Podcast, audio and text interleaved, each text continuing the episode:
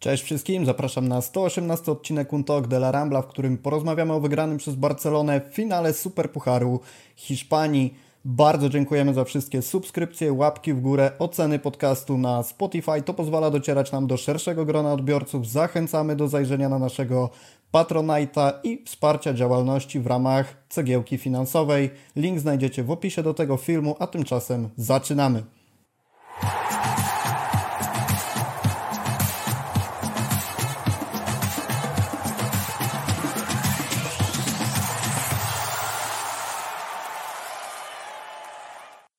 Błażej Gwozdowski jest dzisiaj ze mną. Siemanko, widzę, że przyodziałeś białą koszulkę akurat w dniu świętowania tego, że Barcelona wygrała Super Puchar Hiszpanii. Co u Ciebie słychać? Cześć, cześć. No bardzo dobrze. Mam jeszcze szary sweter, pewnie do gry Realu by bardziej pasował, ale... O tym sobie porozmawiamy. E, przejdziemy oczywiście jak zwykle przez wyjściowe składy, podsumujemy dlaczego Barcelona finał wygrała, co o tym zadecydowało, jak spisywał się Real na tle Barcelony. Zaczniemy natomiast od takiego dosyć istotnego pytania, jak w ogóle, e, jaką masz opinię na temat tego, jak Barcelona powinna podejść do tego finału, co ci się e, kłębiło w głowie przed tym, jak wybrzmiał pierwszy gwizdek sędziego i czy to było obowiązkowe trofeum, jakie Barcelona miała wygrać, bo miałem takie wrażenie przez chwilę, że większość komentarzy przed tym spotkaniem było takich, że Barcelona musi, a Real jednak niekoniecznie. No ja nawet tobie napisałem, że moja wiara w to, że Barcelona ten mecz wygra jest niewielka przed meczem, ale mm, ja od już dłuższego czasu, w zasadzie od Ligi Europy ostatnio, w poprzednim sezonie mam takie poczucie, że Barcelona musi się nauczyć wygrywać mecze mm, pucharowe, bo to kompletnie nie idzie. I to jest też element rozwoju drużyny. I może nie powiedziałbym, że to był jakiś obowiązek, żeby faktycznie ten finał tutaj z Realem wygrać, bo wygrać finał z Realem jest generalnie bardzo ciężko i tutaj nawet fakt, że ten mecz był rozgrywany w styczniu, gdzie zwykle jest jakaś zniżka formy w Realu, e, to to nie jest e, akurat e, czynnik, który miałby to jakoś strasznie ułatwić. Więc wygrana z Realem to jest zawsze bardzo dobra wiadomość, ale przede wszystkim w ogóle wygrana takiego meczu, kto by nie był rywalem, czy byśmy grali w finale z Walencją, to uważałbym podobnie. Po prostu trzeba wygrywać również e, mecze w turniejach typowo pucharowych, bo, bo jak dotąd Barcelonie to idzie bardzo słabo. A nie masz wrażenia, że to jest taka dobra informacja pod kątem reszty sezonu, że pewnego rodzaju presja została zdjęta z Barcelony, bo dużo się o tym mówiło w zasadzie już od samego okna transferowego, że przyszedł Rafinha, przyszedł Lewandowski, wiadomo były te transfery Kessiego i Christensena, które miały podbudować drużynę nie tylko tak sportowo, ale na bazie tego, że jednak zawodnicy mimo wszystko chcą do Barsy przychodzić, walczyć o te trofea, no doskonały Kunde e, również w Barcelonie wylądował i ta presja na wygrane mimo wszystko była bardzo duża, mimo tego, że my mówiliśmy, że to jest proces, że to odbudowa i to musi trwać i tak dalej, i tak dalej. Natomiast w zasadzie już przed tym spotkaniem mówiło się, że jest to taki pierwszy sprawdzian dla Szawiego, jak dalej będzie wyglądać jego e, przygoda z Barceloną, bo transfery, rozwój i tak dalej to jedno, ale kibiców zachwycą tylko trofea i tak samo pewnie dzieje się w zarządzie. Więc moje pytanie, czy Xavi poniekąd uniknął case'u Ernesto Valverde? No może nie pod kątem zwolnienia już teraz, ale generalnie zwolnienia na dalszym etapie sezonu, pewnie na jego końcu. O ile w słowa Laporty wierzę czasem bardziej, czasem mniej, o tyle w te, które e, powiedział na temat e, pucharów, czyli to, że liga jest najważniejsza, to akurat wierzę. Wydaje mi się, że pokonanie Realu w lidze jest tutaj najważniejsze. E, nie sądzę, żeby Xavi był po porażce z Realem w finale zwolniony, natomiast wygrał bardzo dużo tym meczem. Przede wszystkim na przykład w moich oczach zyskał może nie opinię faktycznie utalentowanego trenera, ale taką nadzieję, nadzieja się u mnie pojawiła, że rzeczywiście może być progres i, i że rzeczywiście może wygrywać taktycznie z przeciwnikami z najwyższej półki, bo ten mecz wygrał taktycznie bez dwóch zdań. No właśnie też mam takie odczucia, że jeżeli mówimy o jakimś kredycie zaufania Szawiego, który raz jest większy, raz jest mniejszy, to teraz zdecydowanie zwiększył go sobie tym i, i tak jak mówisz, no jest to kwestia nie tylko samego wygranego meczu, ale też tego, że, że rzeczywiście potrafił dostosować drużynę do tego, jak gra Real i wygrać bardzo w taki przekonywujący sposób. I Właśnie przy temacie składów za chwilę będziemy, natomiast takie pytanie jeszcze ogólne na start. Nie, uwierz- nie, nie masz takiego wrażenia, że Xavi poniekąd zaczął w końcu szukać tego, czego od niego oczekiwaliśmy od początku, czyli takiej z jednej strony elastyczności tej jedenastki wyjściowej, ale z drugiej strony nie na zasadzie gra kto może, gra kto, żeby tylko tak na zasadzie łatania tych poszczególnych pozycji, ale właśnie wykorzystywania potencjału zawodników na ich trochę innych pozycjach niż moglibyśmy tego oczekiwać. Mówię tutaj o zamianie na przykład Araujo Skunde na prawej obronie, mówię tutaj o dołożeniu Busquetsa i Frankiego do środka pola, czy przesunięcia Gawiego na trochę inną pozycję Pedriego. Może, może gdzieś Xavi zaczyna wreszcie korzystać z potencjału kadry, o którym tyle mówimy. Chciałbym w to wierzyć, ale wydaje mi się, że bardziej starały się dostosować to ustawienie pod, pod Real Madryt i chciałbym też wierzyć, że, że nawet jeżeli to zrobił faktycznie pod Real, bo to wydaje się wręcz oczywiste, jak tak się patrzy troszkę na składy obu drużyn, że, że to było ewidentnie pod ten skład Realu zrobione, to może wyciągnie jakieś wnioski na przyszłość, bo faktycznie ustawienie Pedriego troszkę na pozycji Leo Messiego, czyli bliżej pola karnego i troszkę bliżej prawej strony, pozwalało też e, Dembele grać troszkę inaczej niż w momencie, w którym tego zawodnika tak blisko siebie kreatywnego nie posiadał. I to na pewno pomogło. Tak samo pomogło w zagęszczeniu środka pola, a na połowie przeciwnika po lewej stronie boiska, dlatego że Gavi dużo lepiej sobie radził E, z taką małą grą niż, niż to robi Ferran nawet czy, czy Ansu Fati, więc to wszystko spowodowało, że ta przewaga po lewej stronie boiska była miażdżąca, a z drugiej strony Dembele często miał tylko Mendiego na prawej stronie, więc faktycznie jakby to wszystko złożyć do kupy, to, to Dembele nagle miał dużo więcej miejsca, kiedy dostawał piłkę. Z kolei po, po lewej stronie była często przewaga 6 na 5, no bo stoperzy mimo że e, byli tam blisko ustawieni, to jednak musieli pilnować Lewandowskiego, więc stworzyła się szansa na to, żeby rozegrać akcję po lewej stronie boiska sprawnie, a to było możliwe dzięki temu, że był tam Gavi i podobnie, e, podobnie Pedri bliżej pola karnego był dużo bardziej pożyteczny.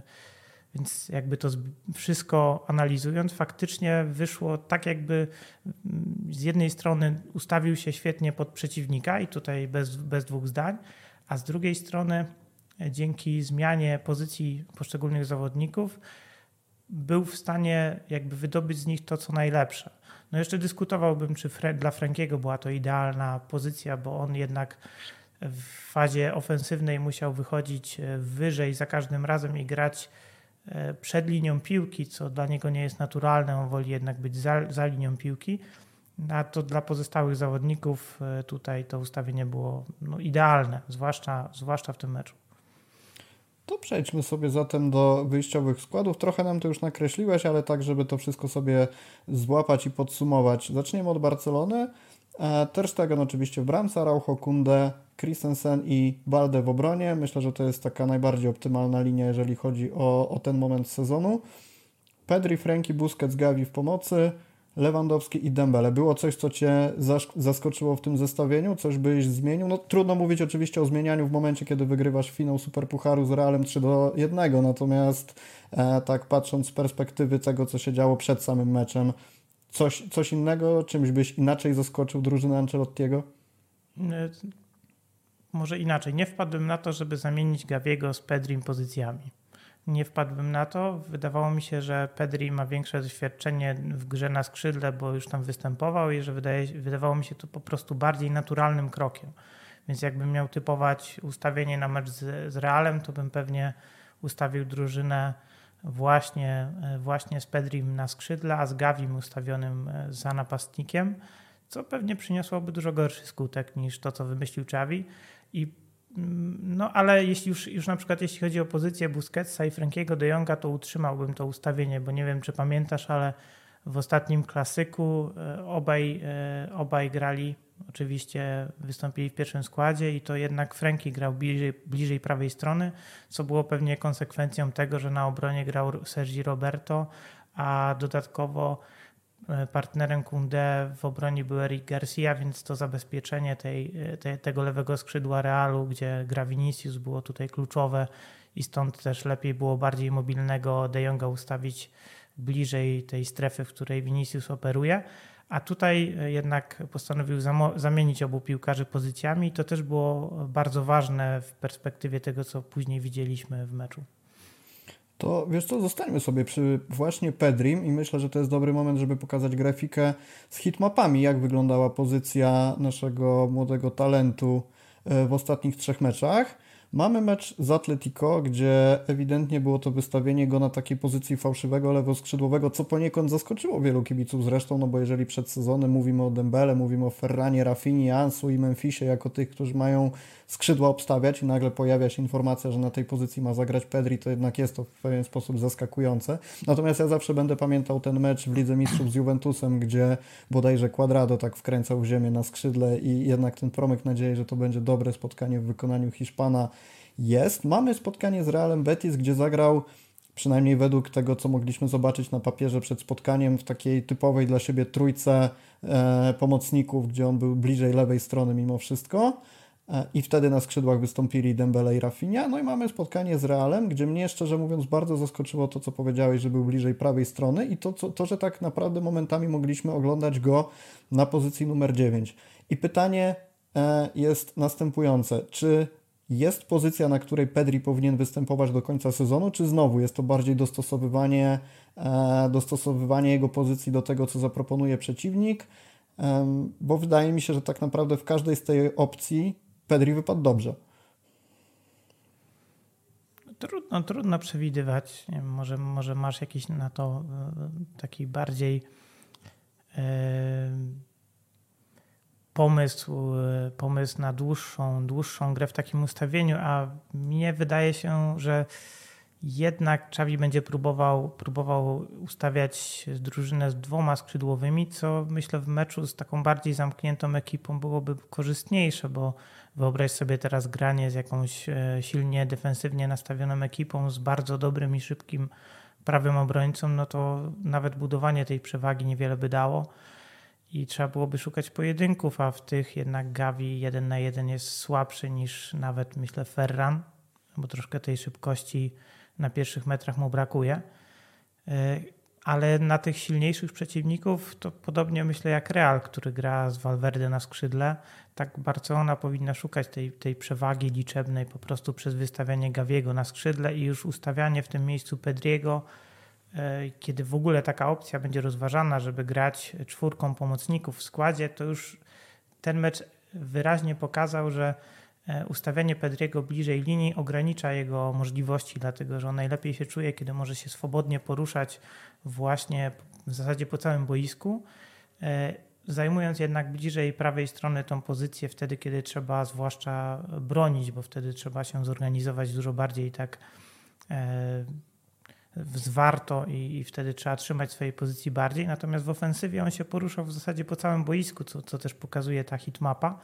Bois chodził na prawe skrzydło i pojawiał się po lewej stronie do gry, tworząc przewagę, o której mówiłem, 6 e, na 5 i, I, to wszystko powodowało, że Barcelona mogła rzeczywiście ten Real ogrywać w środku pola, bo gdyby tego nie było, byłoby dużo trudniej. A druga sprawa to jest to, że w tym konkretnym meczu Pedri wykonał bardzo ważną pracę e, defensywną i, i przede wszystkim tą pracą defensywną Pedriego był pressing na, e, na Toniego Krosa, bo on to robił cały czas, cały czas był blisko Niemca.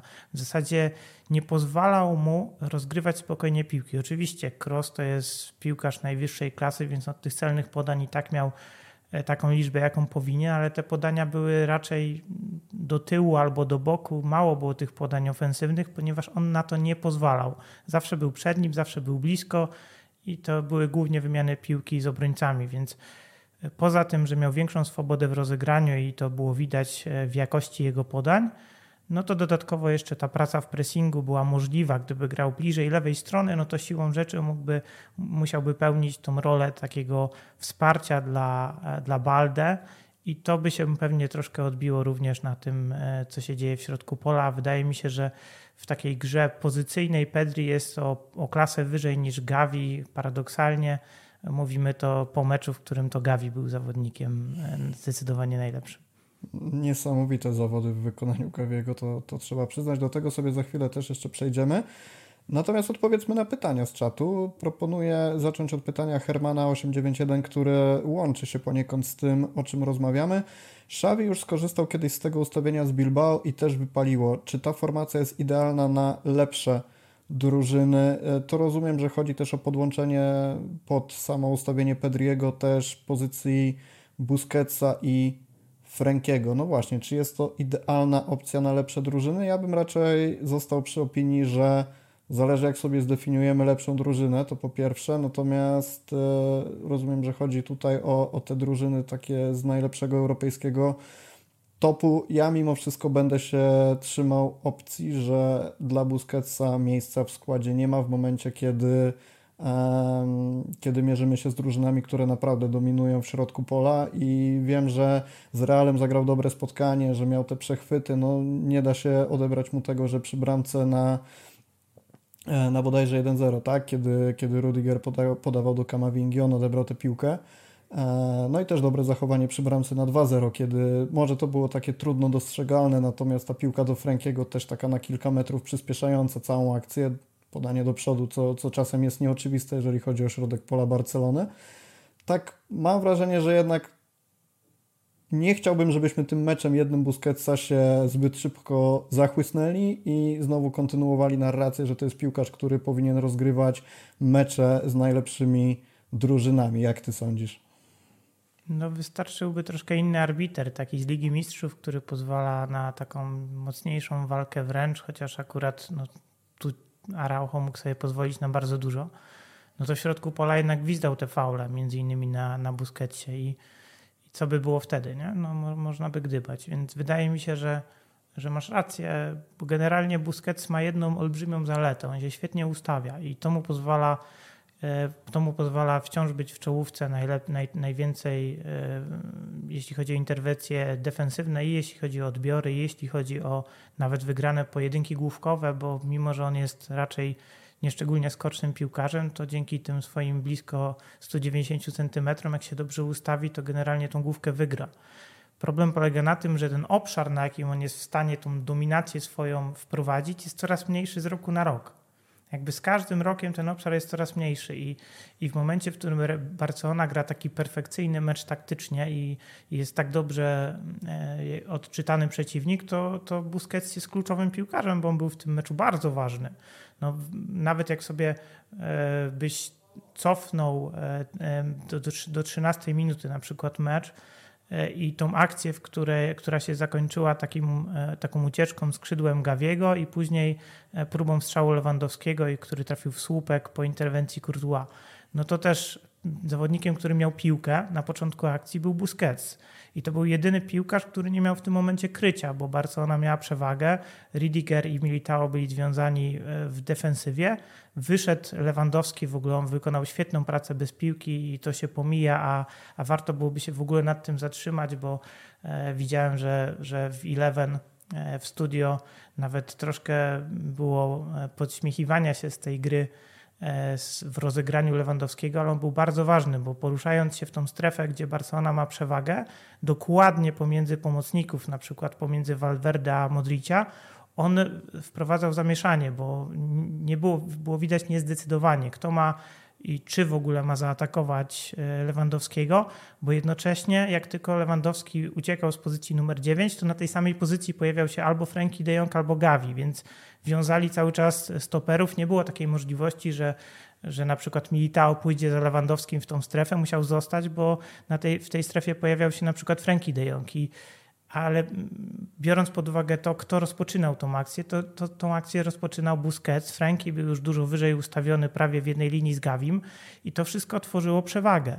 I jeśli miałbym sobie wyobrazić kogoś, kto miałby na tej pozycji Busquetsa zastąpić, to musiałby to być piłkarz, który rzeczywiście potrafi e, grać piłką i wtedy oczywiście można odstawić Busquetsa i nie ryzykować tego, że jak będzie strata, to niestety on nie nadąży za akcją, bo gdyby taka strata się pojawiła w tym meczu, to też byśmy pewnie dzisiaj troszkę gorzej oceniali e, Busquetsa. E, mamy jeszcze jedno ciekawe pytanie od Arona. Czy dla Szabiego Liga Europy będzie istotna, czy jednak postawi na ligę. Czy Barca ma wystarczającą kadrę i aktualną formę graczy, by celować w wygraną na obu frontach? Według mnie odpowiedź jest krótka. Jak najbardziej ma kadrę teraz, zwłaszcza jak wszyscy są zdrowi. Wiemy, że no, zawieszenie Lewandowskiego i Ferrana wpływa na niekorzyść w tym wszystkim.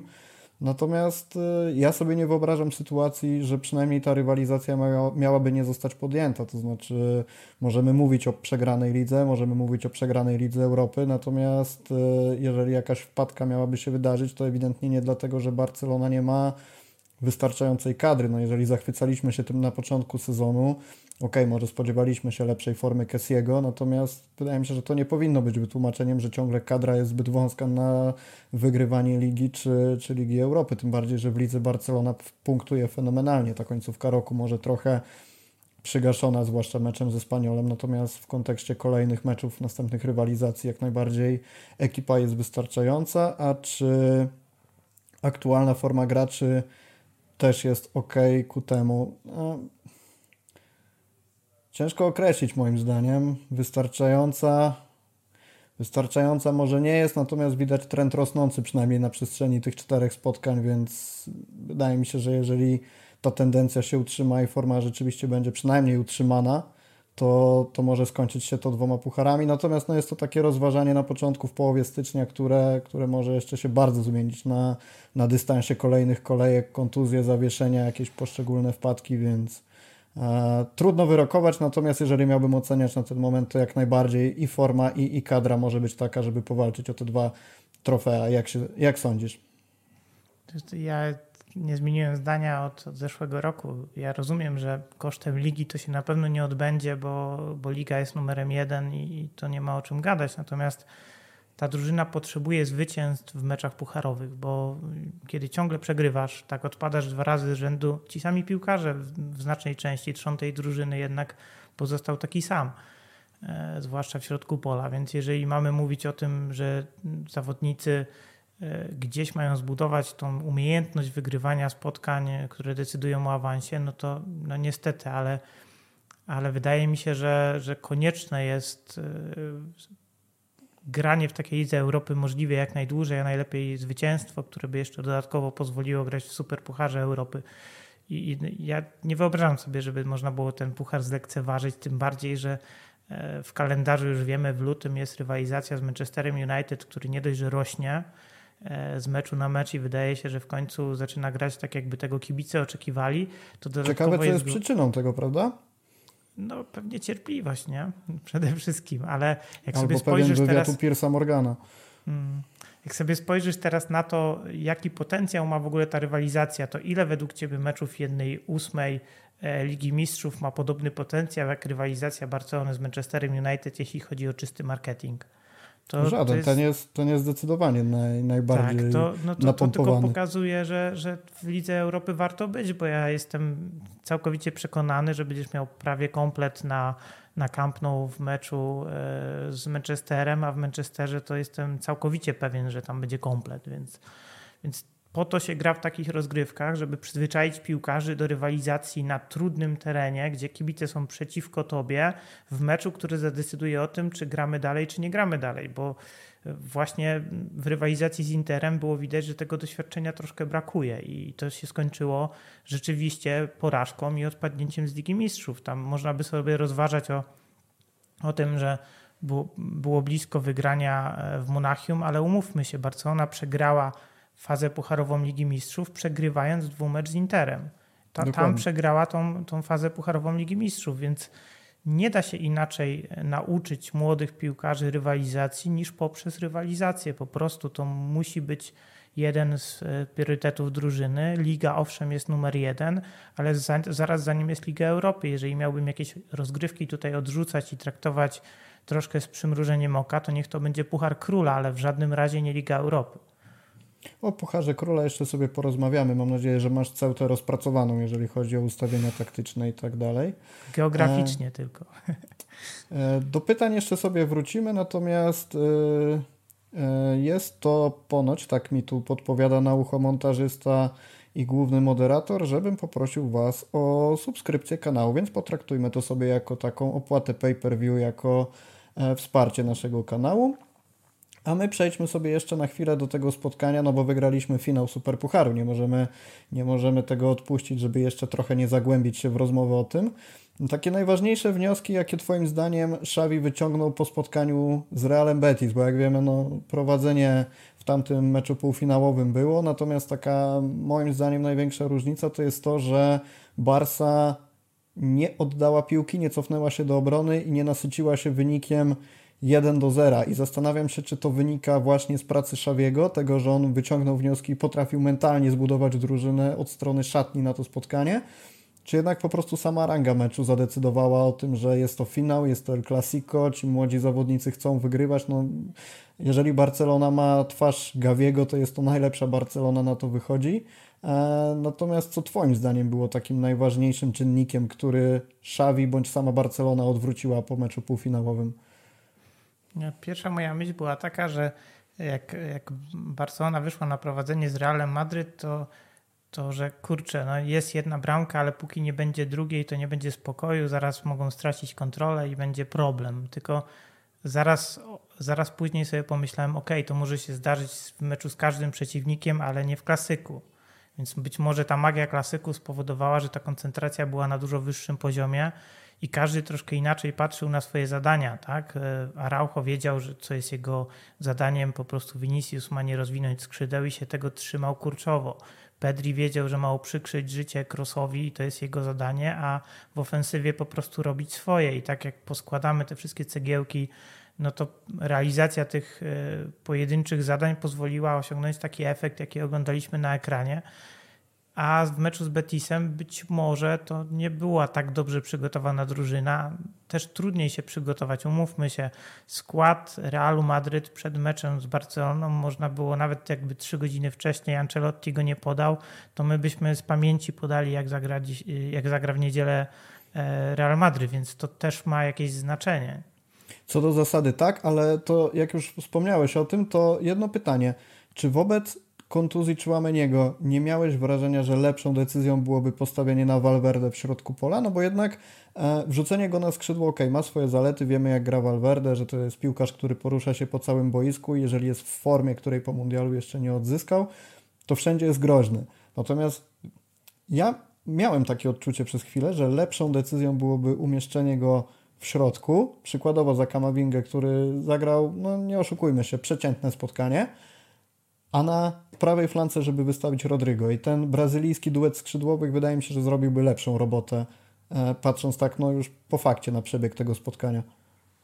Po fakcie tak, tylko z drugiej strony Ancelotti mógł sobie pomyśleć, ok, czyli Czawi znów będzie chciał zyskać przywagę w środku pola, więc ustawi Pedriego na lewym skrzydle, więc ja potrzebuję tam piłkarza, który go wyłączy z gry, bo jak Pedri nie gra, to Barcelona nie gra.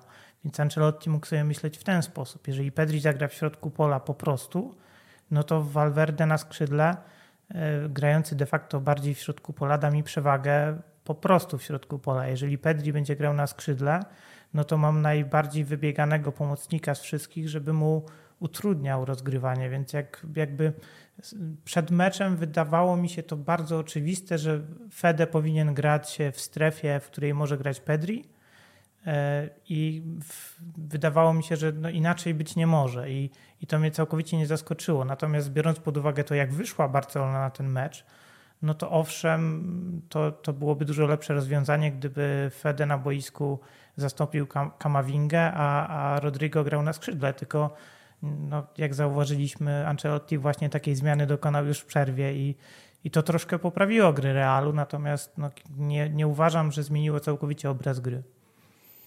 E, co do takich niuansów taktycznych, Barca miała w tym spotkaniu 54% posiadania piłki i to jest czwarty najniższy wynik w tym sezonie. Mniej było tylko w meczach z Bayernem, o jeden i drugi był przegrany, jak pamiętamy, i tam Barca miała o 1,2 punkty procentowe mniejsze posiadanie 53 i 52%.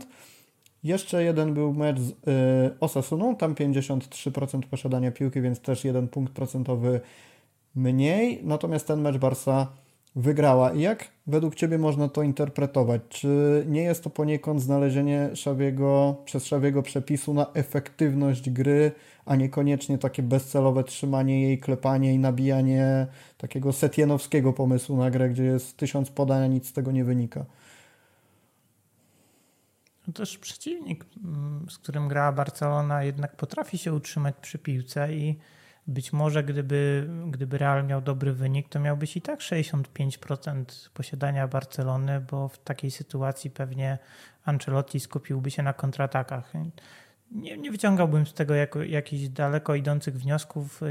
W takim meczu, gdzie szybko zyskujesz silnym przeciwnikiem przewagę i masz bardzo szybkiego Dembele na skrzydle, to nawet takie troszkę cofnięcie się w okolicach, w okolicach e, drugiej połowy e, przy 70 minucie po to, żeby stworzyć sobie okazję do przejęcia piłki, no wydaje mi się nawet dość e, logiczną sytuacją i, i wzrast, jak, wraz jakby z poprawą wyniku dla Barcelony to ta, ta dominacja spadała, bo z tego co pamiętam, to w okolicach 30 minuty było tam 58 chyba procent posiadania i później ona stopniowo spadała właśnie co było konsekwencją e, korzystnego wyniku przede wszystkim, więc ja bym daleko idących wniosków z tego nie wyciągał, zważywszy na to, że jednak Real Madryt ma piłkarzy, którzy potrafią się utrzymać przy piłce, a sukcesem Barcelony było to, że to utrzymanie się przy piłce było głównie na własnej połowie boiska. To był, to był sukces Barcelony właśnie. To przejdźmy do indywidualności. E, Pedriego i Gawiego sobie trochę omówiliśmy. E, natomiast ja bym się jeszcze na chwilę zatrzymał przy Gawim pod takim kątem, że to co pierwsze nam się rzuca w oczy, oczywiście dwa gole, e, jeden gol, dwie asysty, e, natomiast co możemy powiedzieć tak naprawdę więcej o tym spotkaniu, bo jak spojrzymy sobie na statystyki, to 3 na 3 wygrane pojedynki główkowe, jeżeli dobrze pamiętam, to jeden z Militao, Najwięcej razy na boisku był faulowany ze wszystkich zawodników, nie tylko Barcelony. E, to były cztery faule na nim, na Viniciusie były trzy, co ciekawe. To mnie trochę zaskoczyło, bo spodziewałem się, że więcej tych fauli zyskał na sobie dryblingami, natomiast jak się okazuje nie aż tak dużo. No i to, co Gavi najlepszego mógł zrobić i czym się pokazał, to jest moim zdaniem bramka na 3 do 0, gdzie e, nie wiem ile on metrów przebiegł, żeby odebrać piłkę w tym doskoku, a potem jeszcze asystować przy, przy bramce Pedriego. To swoją drogą też dosyć ciekawa rzecz, na którą warto zwrócić uwagę, że te piłki od Gaviego przechodziły pierwszego piłkarza i znowu to nie jest taka oczywista rzecz, jak sobie patrzymy na to, jak gra Barsa, bo ja gdzieś miałem tak z tyłu głowy, że może się piłka na, na pierwszym obrońcy zatrzymać, natomiast no, Gavi, Gavi czysta, czysta perfekcja. Co Twoim zdaniem było takie najważniejsze i najbardziej kluczowe, jeżeli chodzi o grę Gaviego, poza samymi, wiadomo, liczbami, które trafiają do klasyfikacji kanadyjskiej? Przede wszystkim to, że potrafił się ustawiać idealnie pomiędzy y, przeciwnikami, czyli kiedy była tylko możliwość, wchodził między Militao i Carvajala, więc jeżeli piłka do niego leciała, to od razu miał przewagę, bo mógł e, się właściwie ustawić, czy nawet właśnie wtedy wygrać pojedynek e, z silniejszym fizycznie przeciwnikiem. Zwłaszcza, że Carvajal był w fatalnej formie. To naprawdę był cień piłkarza, jakiego znamy z Ligi Mistrzów. Aż przecierałem oczy ze zdumienia, że można grać tak źle, jak grał w tym meczu Carvajal. No, przy bramce na 2-0, to jak zrobił wyskok z linii obrony, to, to nawet patrzyłem sobie, jak kibice Realu podeszli do, do Carvajala i zebrał niemiłosierne cięgi, także dużo to mówi. Fizycznie tragiczny, tragiczny, bo nie nadążał za żadnym piłkarzem Barcelony praktycznie. Przecież to, jak go Balde odstawił na kilkunastu metrach, to przecież to się nie, nie widzi tego na, na placu gry. To było tak, jakby Alfonso e, Davis uciekał e, Busquetsowi. To mniej więcej tak wyglądało, a przecież Carvajal nie jest tak wolnym piłkarzem, więc ale niesamowite się, wrażenie nie był, zrobiła ta akcja. Nie był, nie był faktycznie do tego meczu dobrze przygotowany. Przepraszam. I możliwe, że, że to jest efekt tego, że Real jest teraz w ciężkim treningu. To nie można tego jakby e, odrzucić, tak? To jest bardzo prawdopodobne, ale mimo wszystko z takim realem trzeba wygrać, a to jest zawsze trudne. Mm, zostańmy sobie w takim razie jeszcze chwilę przy właśnie Balde, bo napisałeś coś bardzo fajnego na backstage'u naszego podcastu, na jednej z grup WhatsAppowych, że jest to dla Ciebie największe objawienie tego sezonu. Myślisz, że to jest na ten moment lepsze rozwiązanie w obronie niż Alba? Bo my wielokrotnie podkreślaliśmy w naszych podcastach, że dużo zależy od tego, jak się ustawia rywal, co to jest za przeciwnik i czy w zasadzie potrzebujesz, tak sprowadzając to bardzo do, do, do takiego obrazka z lotu ptaka, czy potrzebujesz zawodnika, który dostarczy ostatnie podanie w stylu Jordiego Alby, czy raczej takiego szybkościowca, jakim jest Balde? Ale czy aktualnie forma Balde nie predestynuje go do tego, żeby mimo wszystko grać wszystko od pierwszej do ostatniej minuty i powiedzieć Albie, że no sorry, jednak pełnisz rolę już e, typowego rezerwowego? Na pewno nie. E, ale to może zobrazuję to w ten sposób. Jakbyś sobie wyświetlił profila obu piłkarzy w jakimś menadżerze piłkarskim i miałby on realistycznie oddawać, co oni potrafią, to tam, gdzie Alba by się świecił na zielono, tam e, Balde by się świecił na czerwono, więc to są troszkę inni piłkarze. W meczu, w którym jest dla ciebie istotne, żeby mieć piłkarza, który w pojedynku jeden na jeden wygra i zdąży wrócić do obrony e, ze strefy ofensywnej, to Balde będzie zawsze lepszym piłkarzem niż Alba, bo Alba już fizycznie nie daje rady. I w tym spotkaniu w fazie ataku to wyglądało trochę jakby Barcelona grała 3-2-4-1, gdzie Balde był troszkę niżej ustawiony oczywiście od Dembele, bo Dembele grał bardzo wysoko, prawie w jednej linii z Lewandowskim, ale grał bardzo wysoko. Nie wyobrażam sobie, żeby przeciwko Realowi Madryt Alba zagrał na takiej pozycji. Gdyby miał grać Alba, to prawdopodobnie musiałby grać jednak odrobinę niżej, żeby sobie e, nie napytać biedy. Z kolei to by wymuszało pewnie grę z nominalnym skrzydłowym, bo ktoś jednak musi tą grę rozciągać na tym skrzydle. Także wydaje mi się, że w takich meczach, gdzie rzeczywiście gramy Gawim czy nawet Pedrim, chociaż mam nadzieję, że to się już nie wydarzy na lewym skrzydle, no to zdecydowanie wolałbym Baldę mieć na obronie, dlatego że on będzie mógł faktycznie obiegać E, czy nawet nie obiegając, e, być w grze na połowie przeciwnika bardzo wysoko, a jednocześnie nie, nie byłoby takiej konieczności, żeby tam była jakaś taka stała asekuracja tego, tego skrzydła, gdyby się zdarzyła jakaś strata. Więc w takich meczach zdecydowanie. Natomiast wydaje mi się, że, że ogólnie alby nie można odstawiać całkowicie, póki jest na kontrakcie od gry, dlatego że zwłaszcza z takimi słabszymi przeciwnikami, gdzie trzeba troszkę piłkę dobrze rozprowadzić, czy też dobrze podać, rozegrać, bo pod tym względem Alba jest dużo lepszym piłkarzem wciąż i to naprawdę dużo lepszym, no to nie wydaje mi się, żeby Balde był rozsądnym rozwiązaniem. No, co on nam da grając cały przez 80%, jak Barcelona będzie E, przy piłce, co, co da nam Balde, tak? No da nam jakieś obiegnięcie skrzydłowego, ale jak nie ma przestrzeni za obrońcami, no to też nie ma gdzie uciec. No to wtedy trzeba szukać gry po prostu pozycyjnej. Wtedy ten boczny obrońca jest kolejnym pomocnikiem, który ma szukać tej gry kombinacyjnej i wtedy Alba sprawdza się lepiej, bo jego dośrodkowania też są dużo bardziej precyzyjne, zwłaszcza z takiej piłki prawie że stojącej, kiedy kiedy tą piłkę posyła w pole karne, to, to potrafi to rzeczywiście zrobić, czy też podać prostopadle piłkę w sposób, którego by Balde pewnie nawet nie wymyślił. E, mamy fajną kwestię poruszoną przez Arona na czacie. E, to dokładnie jest komentarz. Już sobie e, odświeżam sekundkę. Barcelona jest inną drużyną w obronie z Araujo, chociaż gol Benzemy to widoczna dekoncentracja graczy Barcelony. Rzeczywiście Barcelona nie ukończyła tego spotkania z czystym kątem. Pewnie Mateusz Doniec prowadzący e, tę statystykę czystych kąt Ter Stegena versus Courtois jest trochę niezadowolony z tego powodu. Natomiast czy jest to tylko dekoncentracja graczy Barcelony, czy też nieuwaga sędziów, którzy puścili akcję mimo Nacho, który był na pozycji spalonej. Według wielu kibiców był też zawodnikiem angażującym poniekąd Ter Stegena. Um, jakie jest Twoje zdanie na ten temat? Bo trochę to umknęło nam przez to, że to była 92 minuta, wynik był korzystny dla Barcelony, w zasadzie wszyscy już byli myślami przy podnoszeniu pucharu, ale czy jednak sędziowie nie popełnili tutaj błędu? Ja bym puścił tą bramkę. Wiem, że kontrowersyjne, ja bym to puścił. Może i tutaj niech nikogo nie zmyli ta biała koszulka, nie, nie staram się być tutaj stronniczy.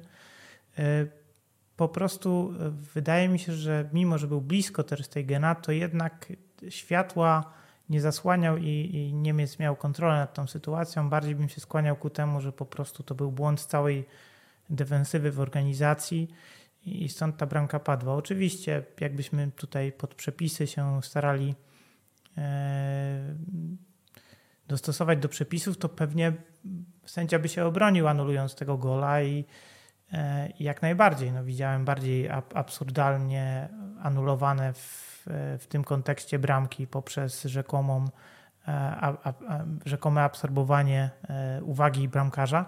Natomiast no, ja bym po prostu tą, tego gola puścił, bo z mojej perspektywy wydawało się, że to nie jest jakby celowe albo nawet e, istotne utrudnianie interwencji bramkarzowi. No, mogłem, mogłem mieć jakby tutaj mylny ogląd tej sytuacji, ale pierwsze moje odczucia były takie, że ten gol powinien być uznany.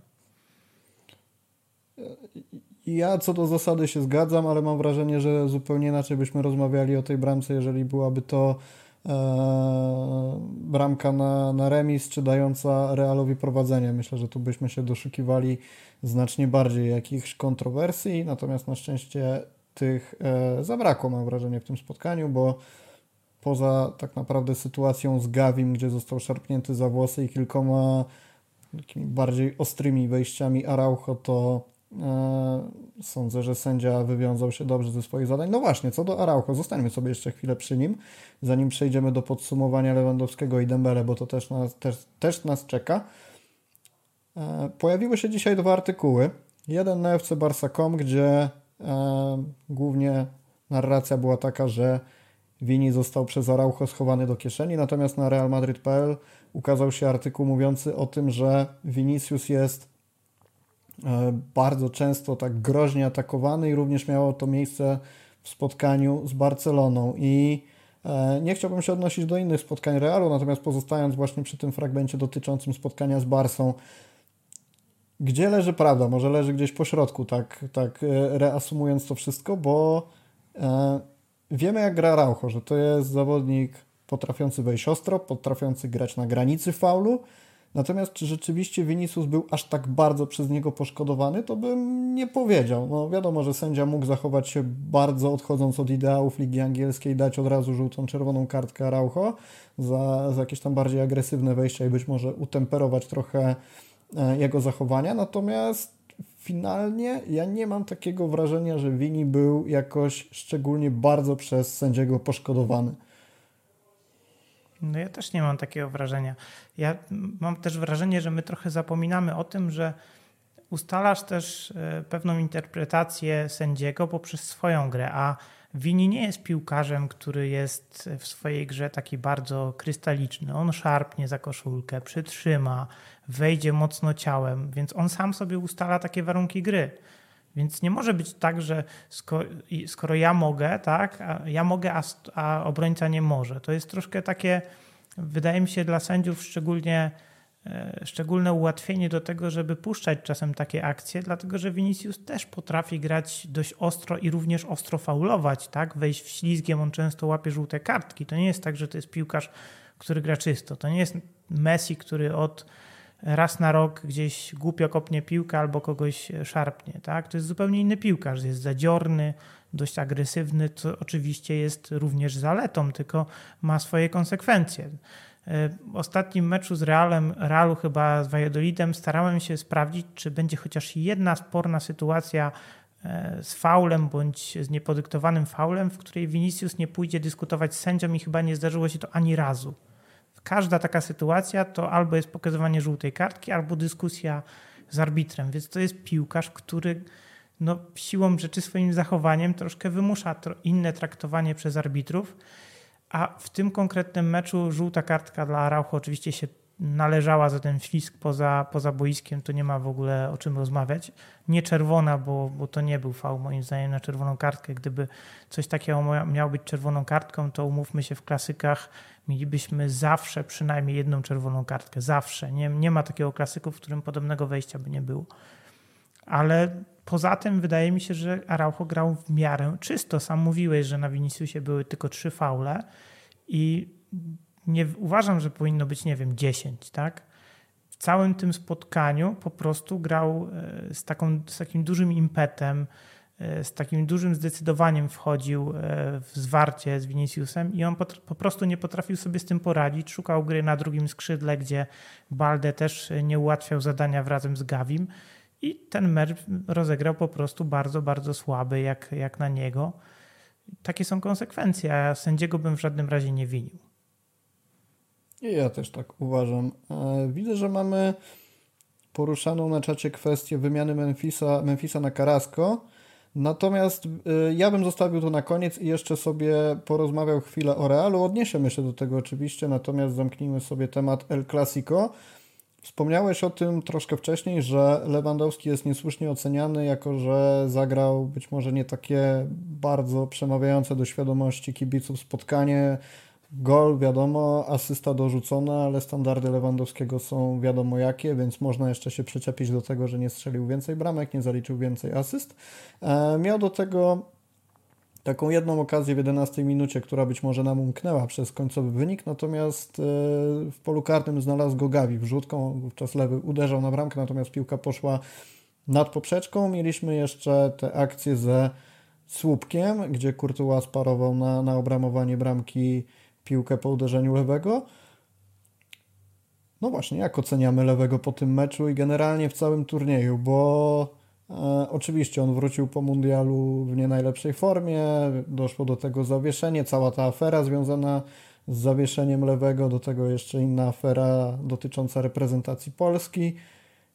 Natomiast myślę, że w skali tego, czego możemy od niego oczekiwać, to kluczowa postać, jeżeli chodzi o zdobycie przez Barsę tego trofeum.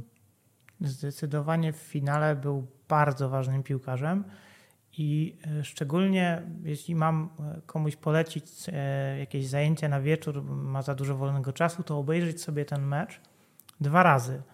Za pierwszym razem, żeby zobaczyć w jaki sposób grał Gavi, bo to jest niebywałe, a za drugim razem patrzeć tylko na to, co robił Lewandowski, bo zwłaszcza to, to, to drugie zajęcie może być bardzo, bardzo twórcze, dlatego że pozwoli w przyszłości inaczej patrzeć na grę napastnika. Bo Lewandowski schodząc do strefy, w której znajduje się aktualnie piłka i tworząc przewagę, za każdym razem pokazywał e, czy to Frankiemu, czy Gawiemu, co ma zrobić. Chwilę wcześniej, co ja zaraz coś zrobię i ty masz e, zrobić coś innego. Cały czas instruował, zwłaszcza Gawiego i to było widać, że chwilę później po tej rozmowie Gawi ucieka gdzieś na pozycję numer 9, albo chwilę przed, e, po rozmowie z Lewandowskim Frankie de Jong pojawia się na pozycji numer 9, a Lewandowski gdzieś tam odgrywa z pierwszej piłki. Niby zupełnie bez sensu zagranie. Niby zszedł do środka i z trudem odegrał do tyłu e, z pierwszej piłki, ale nawet jeżeli się nie uda kontynuować tej akcji tak, jak sobie to pomyślała Barcelona, to jest to stworzenie właśnie tego chaosu w szeregach przeciwnika. I to, jak on świetnie wybierał miejsca kontaktu z piłką, czyli dokładnie między Modriciem czy Valverde, albo dokładnie między Carvajalem a Militao.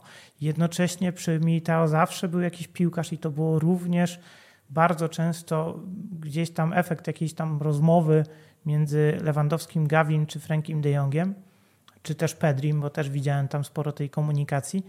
I biorąc pod uwagę tą grę bez piłki zwłaszcza, to Lewandowski zagrał świetne spotkanie.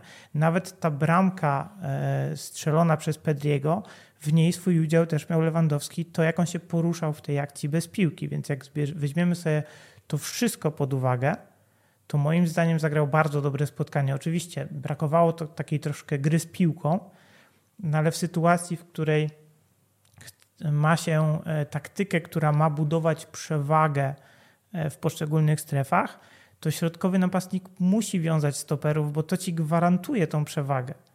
Więc jeżeli Lewandowski miał być przy piłce, no to tylko na chwilę, żeby ci skrzydłowi cały czas byli w ruchu, bo jeżeli Gavi ma zajmować pozycję numer 9 i ma tam operować przez dłuższy czas, bo Lewandowski bierze udział w rozegraniu, to to nie ma efektu dynamizacji akcji, ale jeżeli to jest na chwilę, czyli zejdzie do środka pola, zagra sklepki, wróci na swoją pozycję, a w tym momencie Gavi znów e, przemieści się w inną strefę, to wtedy to wprowadza właśnie tą dynamikę, której Czawi oczekuje i o co miał pretensje między innymi w dogrywce w meczu z Betisem. Ja też dodam jedną rzecz. My przed sezonem dużo mówiliśmy o tym, że Lewy po pierwsze będzie zdobywał bramki, ale dwa aspekty są jeszcze istotne. To jest coś, co Aaron pod, podrzucił nam, że e, jedna rzecz to, to właśnie to, o czym dużo pisały gazety, że instruowanie Gawiego na boisku, ale też instruowanie w szatni o tym, jak powinien się zachowywać i tak dalej, i tak dalej, jak tworzyć ten profesjonalny wizerunek zawodnika, to bardzo ważne. A druga rzecz, no to to, co wspomniałeś, że pokazywanie się na pozycji w innych obszarach, na murawie po to, żeby robić przewagę i, i miejsce innym do, do gry. E, Benzema nieco gorsze spotkanie, natomiast wiemy, że e, jest to piłkarz raczej już e, nie chcę powiedzieć po drugiej stronie piłkarskiej rzeki, ale na pewno jest pewnym problemem dla Realu jego aktualna forma, pomimo tego, że zdobył tę jedną bramkę, to trudno oceniać to pozytywnie. Wspomniałeś o skrzydłowych, był taki skrzydłowy jak pan Dembele w tym spotkaniu. I jestem ciekawy Twojej opinii odnośnie do niego, bo e, Michał Gajdek wrzucił tweeta, że Dembele był trochę innym piłkarzem niż zwykle, to znaczy nie był zawodnikiem, któremu możemy przypisać nie wiadomo jaką liczbę driblingów w tym spotkaniu, bo było ich jedynie pięć udanych, jedynie, no wiadomo, w skali tego, co Dembele potrafi osiągać. Natomiast był to jeden z bardziej inteligentnych meczów, jakie rozegrał pod względem taktycznym i czy ty się z tym zgodzisz? Bo ja miałem poniekąd wrażenie, że on jest niewidoczny, ale być może rzeczywiście takie niuanse taktyczne, robienie miejsca innym zawodnikom, pokazywanie się w trochę innych strefach boiska niż zwykle, zrobiły tutaj robotę, której moje oko nie wyłapało. No bo Dembele był przez znaczną część meczu po prostu poza kadrem.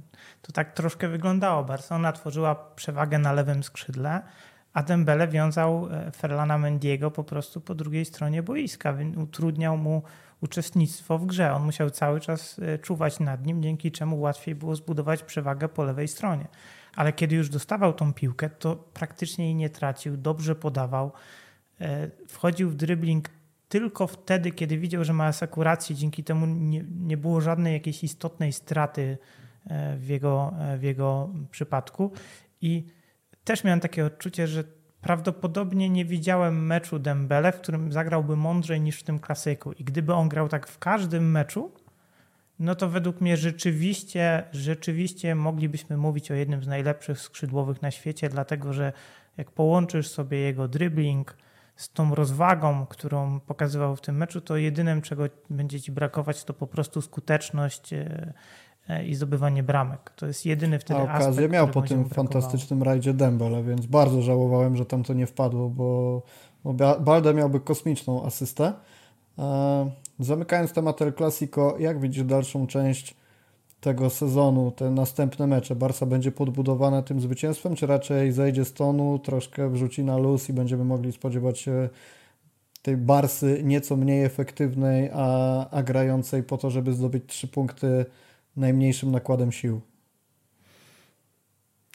Ten mecz ja bardzo chcę, trochę tak jak Hiszpania na Mundialu, pierwsze swoje spotkanie schować, zapomnieć i w ogóle najlepiej o nim nie myśleć, dlatego że trudno jest mi ocenić rzeczywiście, jak do tego meczu był przygotowany Real Madryd. Zobaczymy w kolejnych spotkaniach, bo albo nagle będziemy widzieć jakąś poprawę w grę Realu z meczu, bo to nie będą łatwi e, przeciwnicy, także Tutaj też albo zobaczymy, że Real po prostu jest w słabej formie, albo w tym konkretnym meczu był po prostu w gorszej formie i powoli odzyskuje e, tą, tą swoją e, taką powtarzalność, która imponuje w tym sezonie cały czas, bo, bo tu Barcelona gra znakomicie, a Real jest tak blisko Barcelony, bo ma taką powtarzalność, której w poprzednich sezonach e, no, często nie widzieliśmy, więc nie wiem, e, na ile tutaj e, ten mecz rzeczywiście może być jakimś punktem wyjścia do, do dalszej gry ze, zespołu i nagle będziemy oglądać Barcelonę zawsze tak e, znakomicie efektywną. Ale jeśli miałbym widzieć jakieś światełko w tunelu i szansę na to, że Barcelona nagle zacznie grać na takim poziomie, jak grała w tym klasyku, to uporządkowanie defensywy i granie defensywą plus minus w takim składzie jak w klasyku, czyli może sobie Czawi oczywiście zamieniać e, Kunde, Zaraucho na, na pozycjach, może również zmieniać Baldę z Albą, to jest jakiś element rotacji w defensywie, ale niech to będzie mniej więcej zawsze taka sama defensywa.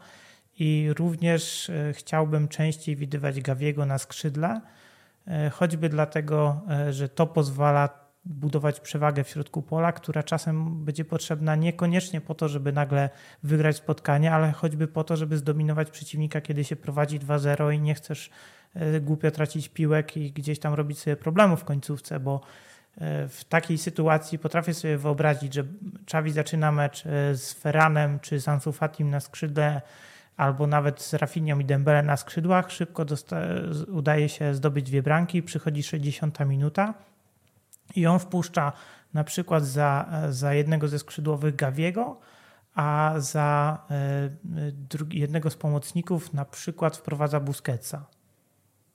Ja potrafię sobie to wyobrazić, że na końcówkę spotkania byłoby to dobre rozwiązanie. Mogłoby dać odpocząć e, jednemu z pomocników, a z drugiej strony pozwoliłoby rzeczywiście mieć większą kontrolę w posiadaniu piłki e, poprzez budowanie przewagi liczebnej po prostu, bo to jest najprostsza z metod, żeby się przy piłce utrzymywać i z Realem to wychodziło perfekcyjnie. Pierwszy sprawdzian ligowy przed Szawim już w meczu z Hetafe. Hetafe nie jest w najlepszej formie, bo e, trzy przegrane z rzędu, z Levante, z Sevillą, i ze Spaniolem. Swoją drogą mecz ze Spaniolem, bardzo ładne bramki, polecam sobie zobaczyć, jeżeli nie całe spotkanie, to chociaż właśnie to jak padały te gole, bo e, fenomenalna brama Hoselu z koła środkowego. E, chwilę później, bodajże minutę, gol Unala z rogu pola karnego. Takie bardzo ładne uderzenie po długim słupku. A w ogóle z takich, zróbmy sobie chwilę jeszcze kącik samej La Ligi odnośnie do innych drużyn, bo Girona wygrała 2 do 1 z Sevillą po golach Stuaniego i Herrery. Co wobec tego, że Cadiz zremisował wczoraj 1 do 1 z Elche, oznacza, że Sevilla spada na przedostatnie miejsce w tabeli. Co prawda mecz Cadizu z Elche obfitował w, no może obfitował to duże słowo, ale duża kontrowersja przy tej bramce Ezekiela Ponce, bo wcześniej w tej akcji spalony. Ponoć... W zasadzie to nie kontrowersja, tylko po prostu potężny błąd. błąd taki błąd. potężny błąd. To, to, nie ma co w ogóle tego dyskutować, to nie ma co nawet interpretować. No, dawno nie widziałem tak absurdalnie uznanej bramki, gdzie widać w czasie spotkania ty widzisz, że jest spalony, nie na powtórkach, widzisz, że jest spalony. To jest dla ciebie oczywiste, a VAR nawet nie interweniuje. To był tak duży błąd, że po czymś takim to odpowiedzialny za VAR powinien zrobić sobie no, dłuższą przerwę, bo główny sędzia tutaj akurat miał najmniej do gadania, moim zdaniem. A Cadiz o tyle ucierpiał na tym, że mógł wygrzebać się ze strefy spadkowej przy zdobyciu trzech punktów, natomiast tak po prostu zamienili się miejscami i są nad Sewillą. Wygrzebie się Sevilla twoim zdaniem z tego, czy pożegna się z ekstraklasą hiszpańską? Jestem ciekaw, czy w tym okienku coś jeszcze może się wydarzy, ale e, moim zdaniem tak. E, to nigdy nie jest tak, że Sevilla dostaje z kretesem. Zawsze gdzieś tam te punkty są na wyciągnięcie ręki. To nie jest aż tak słaba Sevilla, jak się mówi. Zawsze mam wrażenie, że w tym takim dziennikarskim przekazie jest troszkę takiego dramatyzowania lub przesadnego chwalenia i w tym wypadku e, moim zdaniem Sevilla wchodząc nawet, nawet nie na swój poziom, jaki może tym składem osiągnąć, ale odrobinę łapiąc rytm jest w stanie wygrzebać się ze strefy spadkowej. Szczerze mówiąc nie wyobrażam sobie, żeby w La Lidze zabrakło Sevilli. No właśnie, to jest w tym wszystkim przykre, że taka ekipa e, tylu fantastycznych zawodników mogłoby się, mogłoby się z, z ekstraklasą pożegnać. Mówię ekstraklasą, natomiast wiadomo e, o, o co dokładnie chodzi. Jeżeli ale, chodzi o. Ale zobacz e, sobie jedną no. rzecz. W normalnych warunkach, w takiej sytuacji podejrzewam, że byłaby już miotła, sprzątanie i, i dużo lepszy trener niż, niż miało to miejsce w przypadku Sewilli. Natomiast przy tym całym finansowym fair play te możliwości są skrajnie ograniczone nie? i to powoduje, że do takiej sytuacji w ogóle może dochodzić. Tak? To, jest, to jest naprawdę po pandemii e, faktycznie nagle się okazało, że coś takiego istnieje i całkowicie przedefiniowało sposób działania części klubów w Hiszpanii. One nie mogą działać tak, jak działały do tej pory.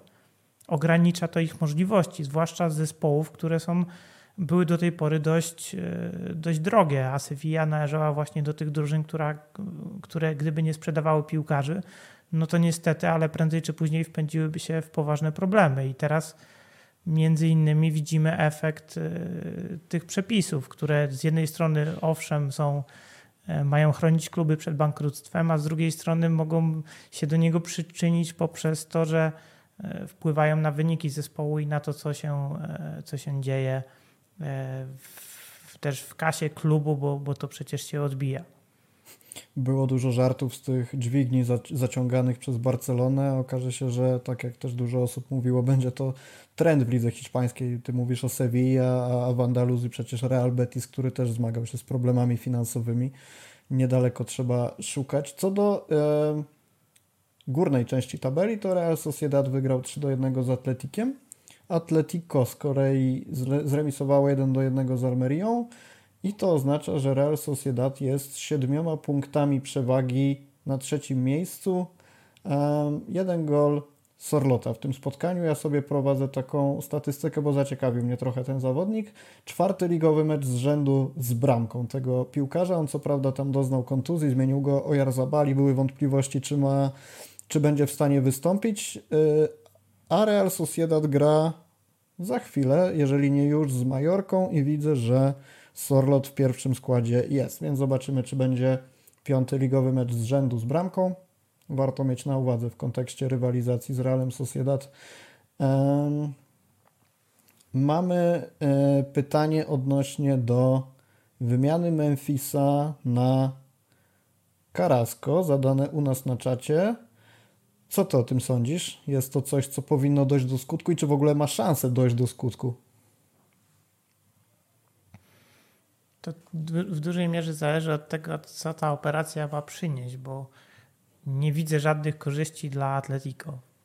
Nie wydaje mi się, żeby Memphis był tym brakującym elementem układanki Simeone ale to samo mówiło się, że Dawid Villa przechodzi do Atletico jako zmarnowany piłkarz, to samo mówiło się o Suarezie, że jest gruby, wolny, niepotrzebny, a zostaje czwartym strzelcem ligi i e, najlepszym, najlepszym snajperem Atletico. Atletico wygrywa Mistrzostwo Hiszpanii, potem przychodzi do Atletico Griezmann. Griezmann staje się bohaterem mundialu i zawodnikiem, którego najbardziej obawiamy się w starciu z nimi, także może to jest metoda, może Simone no. go odbuduje. Ty tylko zobacz, no spójrz na e, drużynę Atletico właśnie oddali Joao Felixa, który jest piłkarzem, który potrzebuje podobnej swobody na boisko jak Memphis, żeby pokazać to, co ma najlepsze. I mają jednocześnie Griezmana, który też jest piłkarzem, który najlepiej się czuje gdzieś tam zawieszony za napastnikiem. No to gdzie jest tam miejsce dla Memphisa? Ja go kompletnie nie widzę. To jest piłkarz, który uwielbia mieć piłkę przy nodze. Uwielbia. Bez piłki przy nodze to jest w zasadzie zbędne i tylko denerwuje. I jak takiego piłkarza mamy wstawić w skład Atletico? No ale z drugiej strony gdzieś mi się zapala taka lampka, że jest jeszcze kwestia, kwestia finansowa. Wymiany są, tak jak już nieraz to przerabialiśmy, potrafią wyglądać na papierze wręcz cudownie, nawet jak są bezkosztowe. Więc jeżeli mielibyśmy to rozważać jako jakiś, jakaś pomoc dla Barcelony i pomoc dla Atletico, bo sobie wycenią tych piłkarzy na dość spore sumy, bo jak spojrzymy na ostatnie transfery i na, e, na jakby klasę piłkarską sprzed roku, no to mówimy o piłkarzach za przynajmniej 20-30 milionów euro, więc nie byłoby to pewnie e, kwestia jakiegoś dochodzenia, gdyby oba zespoły sobie na taką kwotę obu piłkarzy wyceniły i się wymieniły i nagle mamy sytuację, w której e, generujemy sobie jakiś zysk księgowy, który w samym finansowym fair play nagle okaże się zbawienny, więc może o coś takiego chodzi, bo tak powiem szczerze, że z uwagi na logikę to to nie ma zupełnie sensu. Oczywiście dla Atletico, bo Barcelona zyskałaby lewoskrzydłowego, bo takowego w tej chwili nie posiada. Ma dwóch bocznych napastników, miałaby rzeczywiście skrzydłowego, który sobie dość dobrze radzi przy linii i troszkę otworzyło jakieś tam możliwości, możliwości Czawiemu do na przykład zastosowania pewnego odbicia lustrzanego w grze e, z jakimś przeciwnikiem, e, z którym byłoby to akurat korzystne, ale moja wiara w to, że do takiej transakcji dojdzie, jest ograniczona i tylko jeżeli jakaś ma być motywacja, żeby taki ruch przeprowadzić, to finansowa. I podobnie wydaje mi się, jeśli chodzi o Kessiego i, i, i Brozowicza, chociaż tam widzę pewien sens. Brozowicz opuścił, opuścił się trochę w tym sezonie, gra gorzej ma jednak 30 lat, a tutaj byłby transfer troszkę na dłużej, jak w Interze byłaby cierpliwość, no to on akurat mógłby się w tym Interze odnaleźć, Frank Kessie, więc tu widzę więcej sensu, aczkolwiek też wydaje mi się, że e, nie, nie, Frank Kessie nie pójdzie na to, żeby w inne barwy w Mediolanie reprezentować po tak krótkim czasie. Rozumiem za 2-3 lata, kiedy niektórzy już troszkę zapomną, ale to przecież pół roku dopiero minęło. To też bym włożył między bajki. A co do przyjścia Carrasco do Barcelony, um, mam wrażenie, że mniej niż Memphis obecnie nie da nikt, ktokolwiek byłby w tej kadrze, więc w zasadzie Carrasco wnosząc cokolwiek już byłby ten ząbek wyżej nad tym, co prezentuje Holender, także nie stracimy, możemy zyskać, ale szanse na ten transfer też oceniam jako bardzo nikłe, bo czuję, że to nie będzie aż tak obfite w transfery okienko jak, e, jak to zimowe okno rok temu, kiedy przyszedł do nas chociażby Auba, który teraz też jest łączony z Barsą, ale mam wrażenie, że ten transfer, pomysł tego transferu też już powoli wygasa, bo było takie boom, on już w zasadzie był przekonany, że chce wracać, już jest praktycznie w samolocie, natomiast teraz jest cicho i trochę to upadło, aczkolwiek były też informacje, że same przepisy Ligi Hiszpańskiej nie do końca precyzują to jako możliwe do osiągnięcia, więc e, różnie mogłoby z tym być. Jeżeli macie jakieś jeszcze pytania, to śmiało zadawajcie je na czacie. Natomiast y, słówko jeszcze o najbliższym rywalu Barcelony, bo mierzymy się z Celtą, nie Celtą, jak może nakazywać e, rozsądek, żeby to wypowiedzieć. Jest to Ceuta. I nie wiem, czy chcemy tutaj wchodzić w jakieś niuanse taktyczne, bo myślę, że nie rozpracowalibyśmy tej drużyny na ten moment. Możemy sobie powiedzieć co najwyżej tyle, że trzymamy kciuki za wygraną Barcelonę, która jest w zasadzie obowiązkiem. Natomiast ciekawostka jest taka, że E, Ceuta dostała się do następnej rundy Pucharu Króla po tym, jak pokonało Elche w poprzedniej rundzie 1 do 0 po golu Rodrigo Riosa, co tylko potwierdza to, że Elche najlepszą drużyną w tym sezonie nie jest i pewnie się ze mną zgodzisz, że mamy do czynienia z pierwszym spadkowiczem i ewidentnie najgorszą drużyną tego sezonu Ligi Hiszpańskiej. Bez wątpienia. No, nie da się oglądać meczów Elche dla mnie. To jest mordęga. Najchętniej bym tego unikał, ale tak e, z ciekawości, zwłaszcza jak grają z lepszym przeciwnikiem, to włączam i to jest zdecydowanie taki trochę przejaw tego, że Liga Hiszpańska staje się wyraźnie słabsza od Ligi Angielskiej, bo widzę angielskiej rzadziej oglądam takie, takie spotkania, gdzie jedna drużyna w ogóle nie gra w piłkę. E, a do rywalizacji, do rywalizacji Barcelony to ja mam pewne obawy, że ten tam może się skończyć jakimś, jakąś dogrywką znowu, dlatego że e,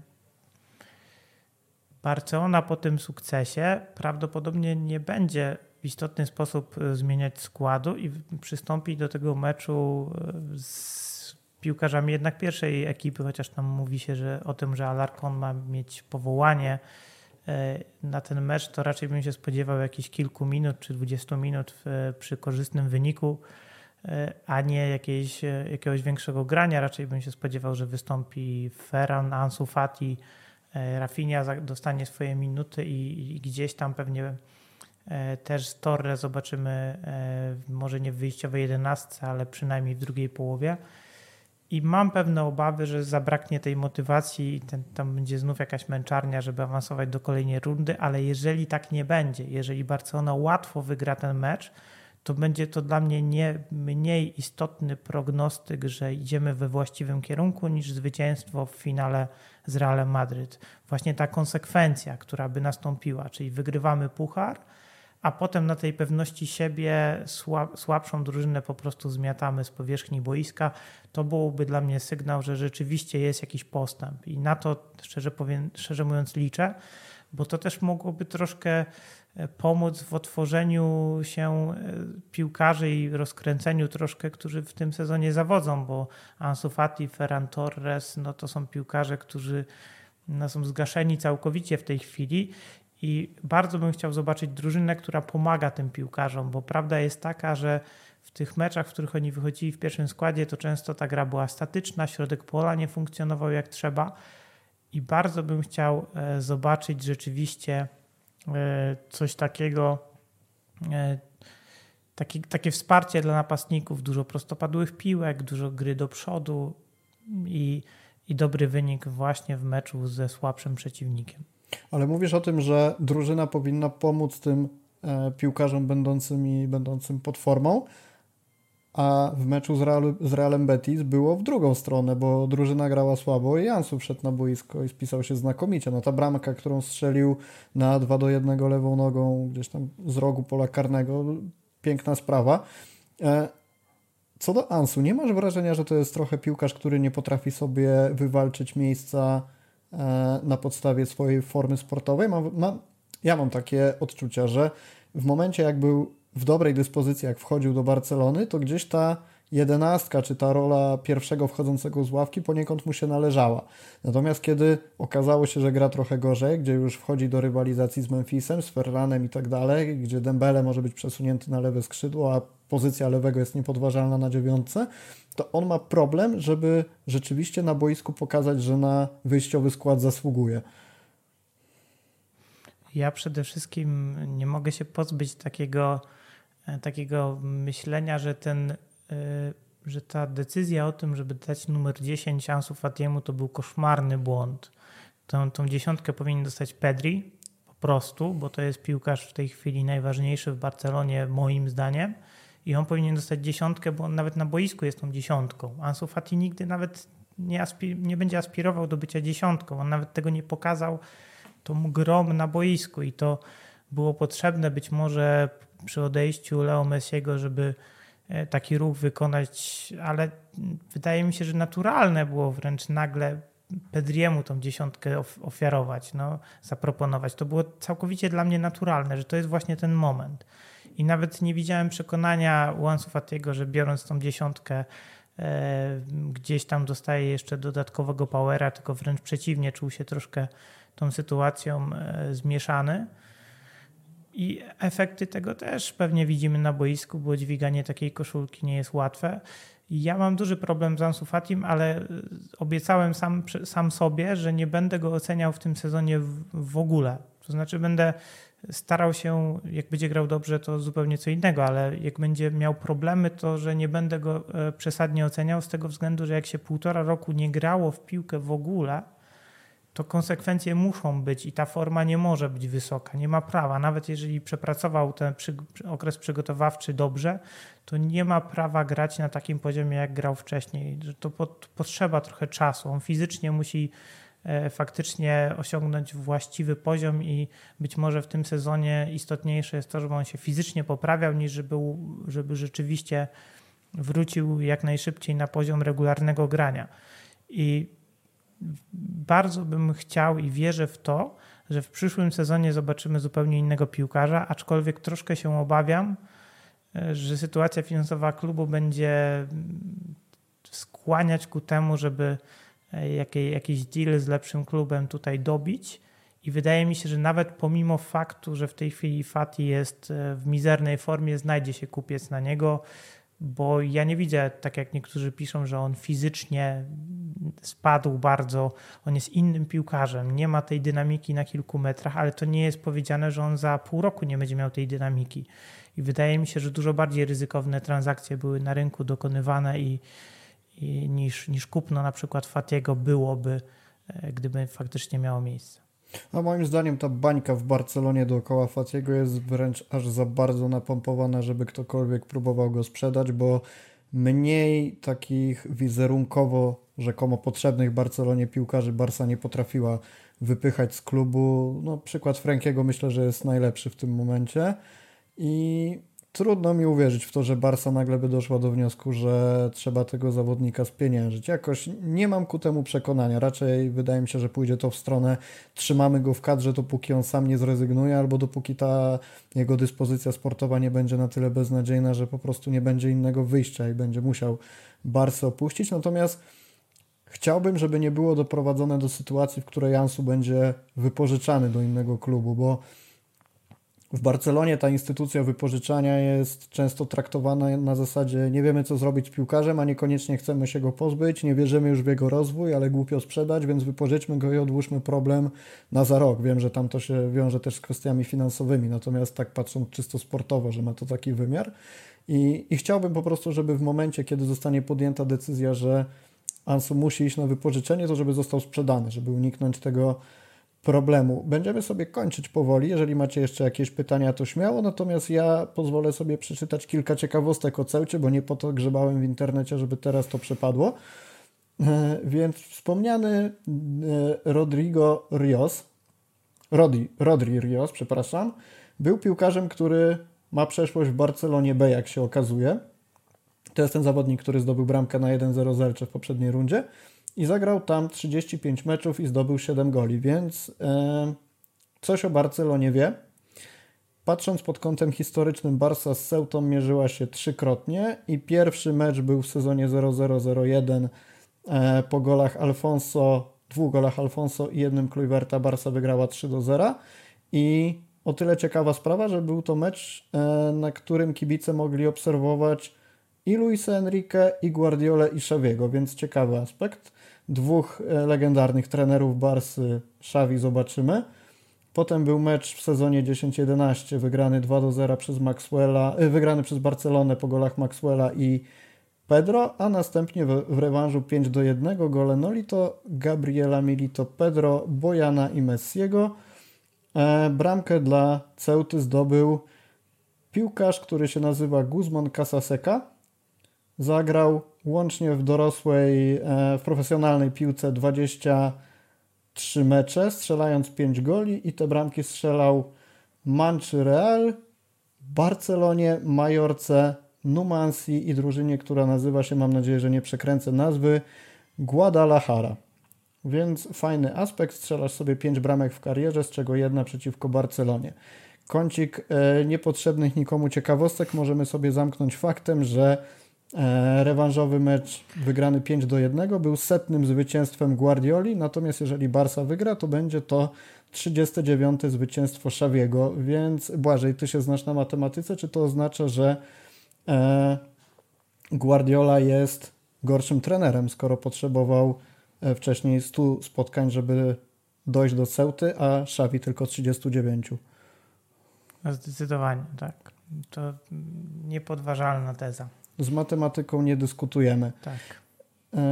Dobra, będziemy sobie powoli kończyć. Bardzo dziękujemy za wszystkie pytania, jakie pojawiły się dzisiaj na czacie. Było ich sporo. Nie na wszystkie mogliśmy odpowiedzieć, ale e, wszystkie czytamy i część musimy po prostu wybrać. Zachęcamy do tego, żeby je zawsze zadawać. Możecie nam też podrzucać tematy podcastów, jakie chcielibyście, żebyśmy poruszyli w kolejnych odcinkach, czy to odnośnie do aktualnych wydarzeń, czy jakichś bardziej takich ogólnych, związanych z historią, samą ligą, przeciwnikami, to sky's the limit.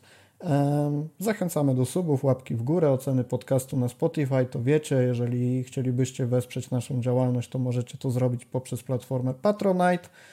A na dzisiaj dziękujemy. Błażej Gwozdowski był dzisiaj ze mną. Myślę, Dzięki, że przyjemny cześć. odcinek i do usłyszenia w kolejnych. Na razie.